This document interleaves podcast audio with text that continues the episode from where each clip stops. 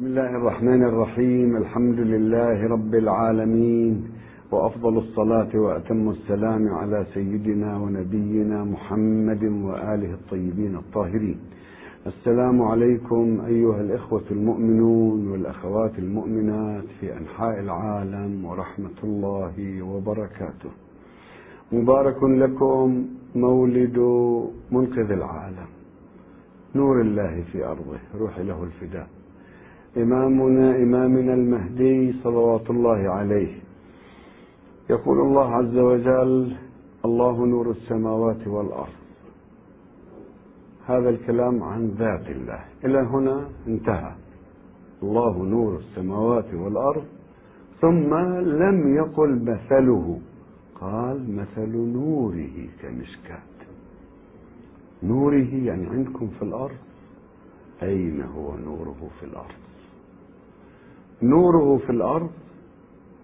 ارجعوا إلى تفسير نور الله في الأرض آية النور كمشكاة فيها مصباح. وما هذا التوصيف؟ هذا بيت نبينا صلى الله عليه وآله مركز النور الإلهي. السيوطي ينقل. يقول سأل أبو بكر النبي صلى الله عليه وسلم أول واحد سأل قبل أبي بكر.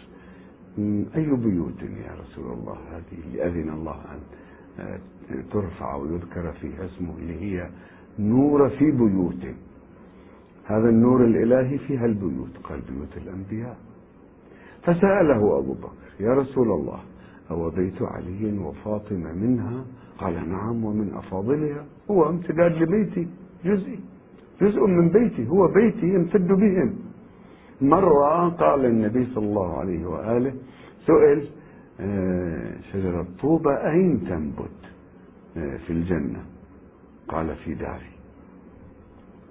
بعد فترة سئل أين تكون شجرة طوبة يا رسول الله؟ قال في بيت علي. واحد قال يا رسول الله أنت قلت في بيتي؟ قال يا فلان ما تعرف بيت علي بيتي؟ في الجنة. شجرة وبيتي يعني ليس غرفتي. شجرة طوبى يعني في ملكي. ملكي وملك علي وفاطمة. في الفردوس في درجة الوسيلة أرقى مكان في الجنة. وشجرة طوبى ما هي؟ شجرة طوبى شجرة عملاقة ضخمة. آه هذه تغطي في كل ملك مؤمن بالجنة اللي هي أضعاف أضعاف الكرة الأرضية غصن من شجرة طوبى في ملك كل مؤمن. وهذا الغصن اللي نازل منها في ملكه أعز عليه من كل من ما يملك من بساتينة من حقولة من غزلانة من طيورة من الله يعلم من الحور العين أم لا ما أعرف أعز عليه. لماذا؟ هذا الغصن من شجرة طوبى النابتة في دار علي وفاطمة ورسول الله صلى الله عليه وآله. أعز لأنه أولا موسيقاها خاصة موسيقى حفيف أوراقها موسيقى خاصة. غيرها ما ما في تلك الموسيقى. بعدين الطيور التي توكر عليها أيضا خاصة. ثمارها خاصة. تنبت نوعا من الثمار من الثمار مثل بطيخ مثلا. يفتحها يجد على تفصاله هو بدلة من السندس ومن أرقى الملابس اللي صنعت في الجنة. هكذا. بيوت الأنبياء مركز نور الله. أعظمها بيت نبينا صلى الله عليه وآله. أعظمها مركز كيف يعني مركز النور؟ نحن ماذا نعرف عن النور؟ إلى الآن إلى الآن أنواع النور ما اكتشفوها. نور الأشعة الحمراء الصفراء تحت البنفسجية تحت البنفسجية الليزرية تذهب متفرقة وتتجمع. الأشعة الأشعة الكونية أين؟ هذه الأشعة المادية إلى الآن ما كشفت. كيف الأشعة اللي هي أرقى وأرقى؟ ما نعرف كيف. طيب الهداية بقلوب العباد لازم ينزل الهدى الإلهي لذلك البيت ومنه يتفرع. كيف يكون مركز الفيض نقول أنت متى عرفت كيف تشتغل الخلية فيك؟ متى عرفت جهاز إبصارك كيف يعمل؟ حتى تعرف شغلة الله عز وجل في الكون وإدارته للأنوار اللي هي أعلى من الأنوار المنظورة. والمحسوسة. إذا الغائب عنا أعظم من المشهود. ونور الله في الأرض. الله يقول مثل نوره عندكم. يعطينا مثل. كيف تقرب لذهن الأطفال بالتمثيل؟ هكذا يقرب لنا. وإلا مقام النبي مقامات النبي وأهل بيته. صلوات الله وسلامه عليهم. أعظم من هذا بكثير. في أيام مولد سيدنا موعود الله الذي أنعم الله به علينا. في ليالي النصف من شعبان حفل العالم حفلت السماوات وتلألأ النور الإلهي في سامراء. سامراء هؤلاء المسطحو العقول الحيوانات المفخخة هؤلاء هم يريدون أن يدمروك لن يستطيعوا لن يستطيعوا. مركز إشعاع نور الله. هذه الربوة سامرة كانت وتبقى وستشع من جديد عند ظهور النور عند انبلاج نورها نورها اللي الله عز وجل اختارها لأن يولد فيها سينبلج نور المهدي من عند الكعبة الشريفة. حياك الله يا سمراء وعمرك الله. عمرك الله يا مشهد جد الإمام. الإمام الهادي سلام الله عليه. أسكنك الجبارون بالإقامة الجبرية في سمراء فبادوا وبقي نورك. كذلك أعزك الله يا مشهد إمامنا العسكري سلام الله عليه. هذا مشهد تشهده الملائكة بينما مراكز قصور أولئك مركز للراقصات والخمور والشياطين. المقدس هذا الذي يثبت المسلمون احتفوا حتى من أولاد خلفاء وجماعتهم. أم المتوكل تنزل نذر لما يمرض ابنها تنزل نذر للإمام الهادي صلى الله عليه وغيرهم.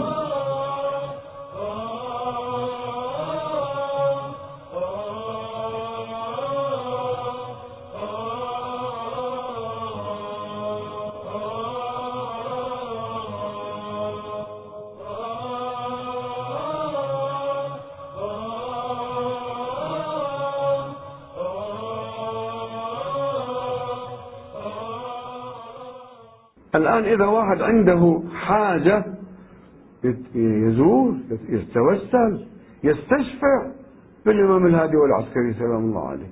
أما تعال شوف لك مسلم يستشفع بقبر المتوكل اللي هو عند المنوية. قبر المتوكل اللي يقول كان عنده أربعة آلاف جارية ومرضت جارية من جواريه عزيزة عليه. أرسلها إلى بغداد إلى أحمد بن حنبل قرأ له دعاء شفيت فكان من كراماته إلى آخر. طيب هذا قبر المتوكل اللي كان يقتل وزراء أو يدفنهم وكان مدمن خمر وأربعة آلاف جارية عنده. وهذا أحد يذهب إلى قبره ويستشفع به؟ أعزك الله يا سامراء نساء سامراء نساء العالم. خذوا نموذج حكيمة. بنت الإمام الجواد سلام الله عليه عمة الإمام اللي هي على يدها كانت القابلة اختارها الله لأن تكون القابلة لولادة الإمام المهدي صلوات الله وسلامه عليه. إخواني الأعزاء هنيئا لمن عرف وأيقن. وعاش بنعمة اليقين. هنيئا يعني عرف بالمعادلات العقلية تمت عنده المبررات المبررات العقلية للعقيدة واليقين. فأيقن ودع الشك في شكهم الآن الذين يشككون في رسول الله صلى الله عليه وآله دعهم في شكهم تتعيش نعيم الاعتقاد به. هنيئا لمن عاش نعيم الاعتقاد برسول الله عز وجل بأهل بيته الأطهار بخاتمهم مولود سامراء المقدسة موعود الله الذي شع نوره في سامراء. ولا بد بوعد الله أن ينبلج نوره من عند الكعبة وأن يعم العالم ويملأ الأرض قسطا وعدلا. روحي له الفداء. إخواني الأعزاء تعرفون أنه يطرح في عصرنا وهناك ناس موظفون يطرحون التشكيك بأحاديث ولادة الإمام المهدي سلام الله عليه. أنا عندي كتاب سميته الموظف الدولي لمهاجمة الشيعة.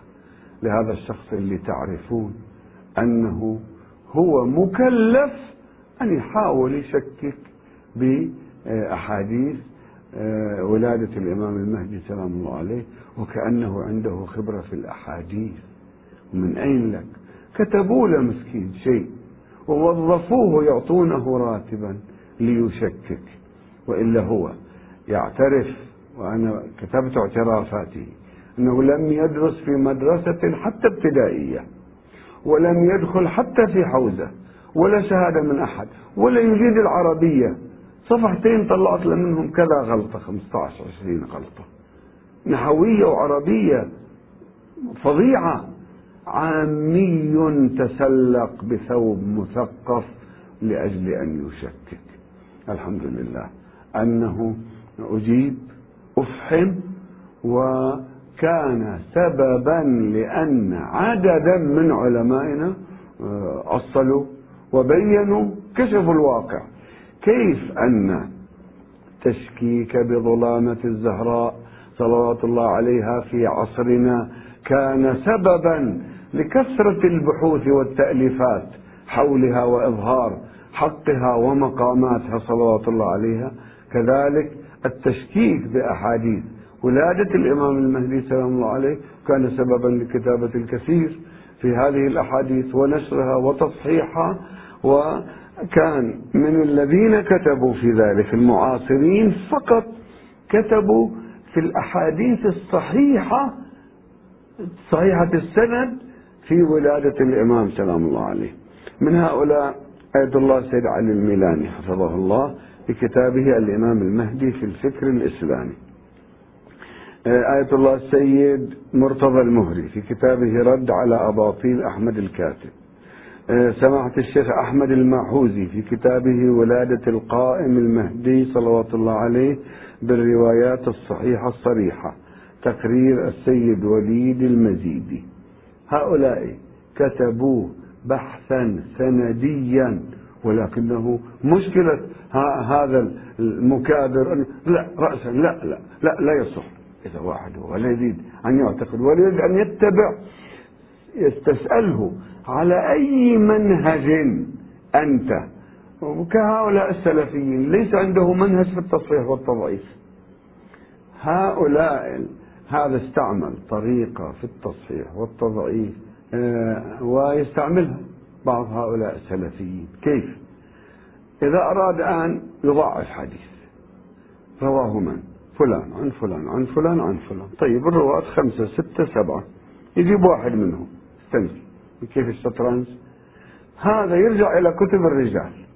كتب الرجال كثير من الرواة بعضهم وثقوا وبعضهم لم يوثقوا. فهو إذا يريد يضعف يقول ها فلان ضعفه وقال عنه كذا. طيب وفلان وفلان صححوا. إذا تعارض التضعيف مع التوثيق ما هو موقفك؟ هو يتركهم. إذا أراد يوثق الحديث نفس الراوي يقول هذا ثقة نفس الراوي لأن فلان وثقه وفلان وفلان يجيب توثيقاته. إذا أراد أن يضرب الحديث لنفس الراوي يقول هذا ضعيف لأنه فلان وفلان ضعفه.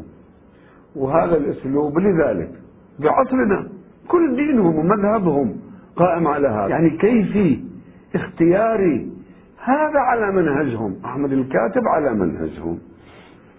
ما أعرف هل يتسع المجال كنت أود أن أقرأ بعض هذه الأحاديث خل أقرأ من هذه الأحاديث الصحيحة وإلا أنا أحببت أن أقرأ حديث حكيمة حديث عن أم الإمام سلام الله عليه.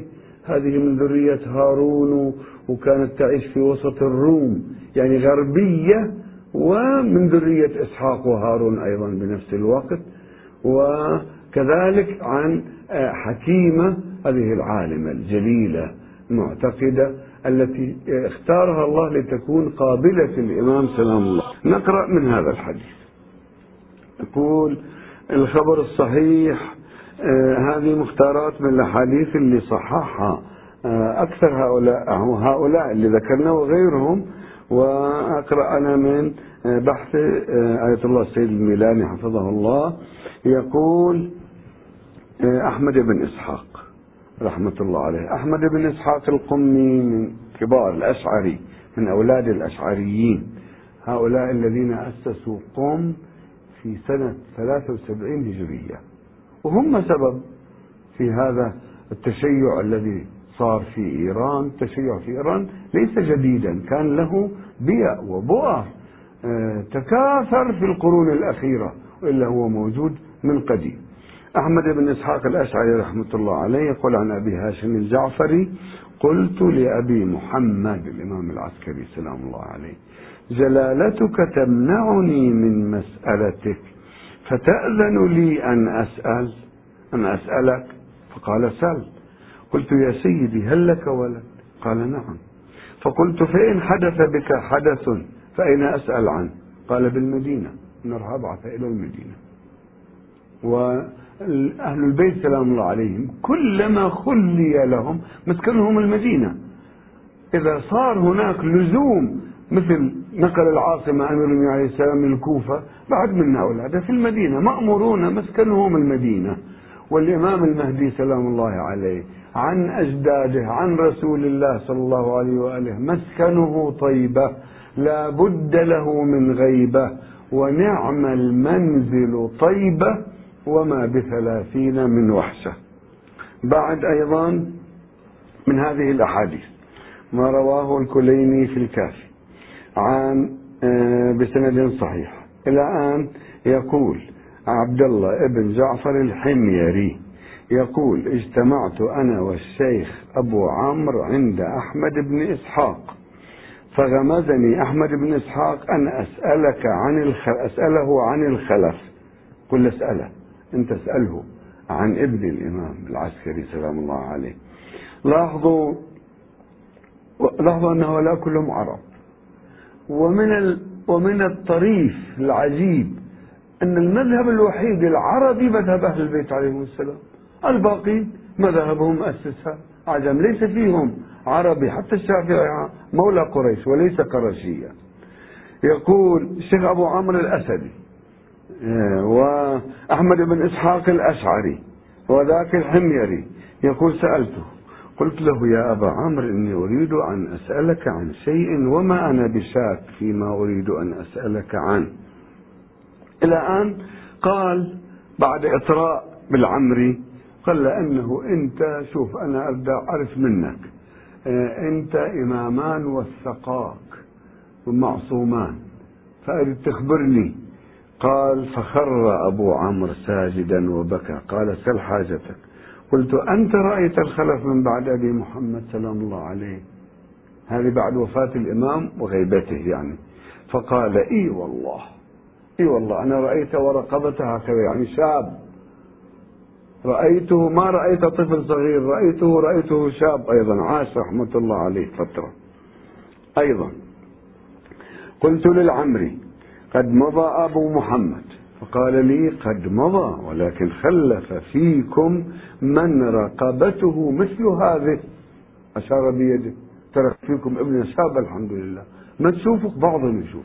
أنت ما شفت؟ غيرك رآه غيرك رآه في زمن الإمام العسكري سلام الله عليه العشرات رأوا.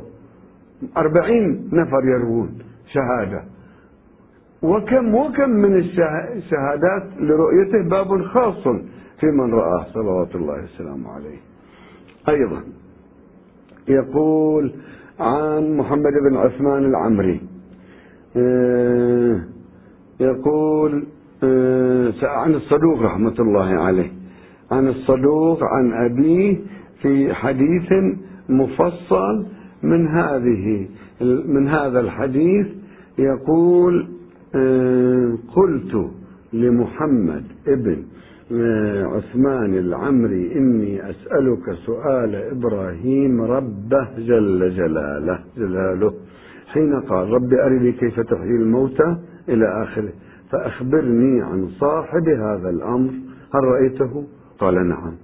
هذا عن رؤيا مشاهدة. أما عن الذين رأوه مباشرة فما أكثرهم.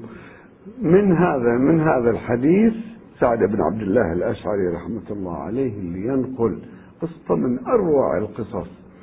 آه وحديث صحيح وسنده تام صحيح ويتكلم أنه أنا كنت كيف آه، مشغولا بجمع المسائل وصارت عندي مشكلات وكنت أناقش النواصب كثيرا إلى أن ذهبت إلى الإمام سلام الله عليه الإمام العسكري سلام الله عليه. يقول كان عندي هذه المشكلات ما عندي جواب عليها. يقول في وقتها أنا رأيت الإمام سلام الله عليه لما دخلت عليه سلمت وجدت عنده طفل طفل آه، صغير ومثل بيد رمانة آه، آه، رمانة من كرة كرة مذهبة. يلعب فيها الطفل الإمام يرميه له يشغله حتى يكتب. يقول بعد ذلك سألني الإمام مسائلك ماذا فعلت فيها؟ مسجل ليست من المسائل.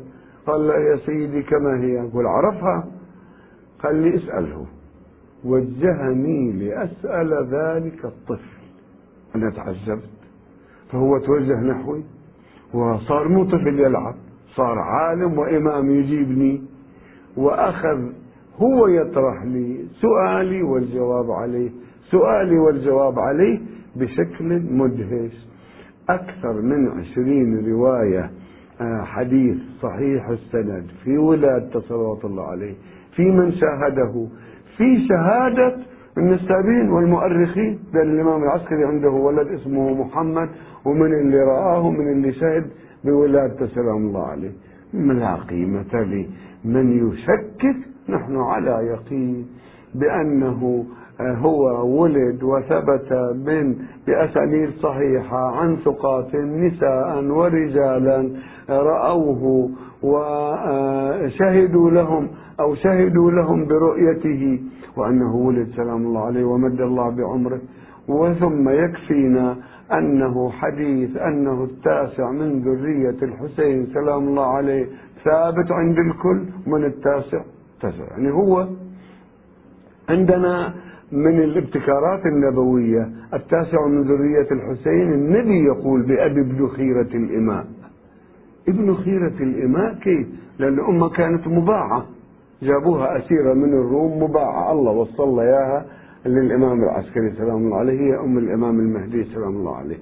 طيب ابن خيرة الإمام ابن أبي الحديد يقول أنه الشيعة يقولون هو ولد ونحن نقول أنه سيولد وتكون أمه أمة. الآن منين تكون أمه أمة؟ انتهت الإمام. التاسع من ذرية الحسين سلام الله عليه بأبي ابن خيرة الإماء صلوات الله وسلامه عليه وعجل فرجه وفرج العالم به والسلام عليكم ورحمة الله وبركاته.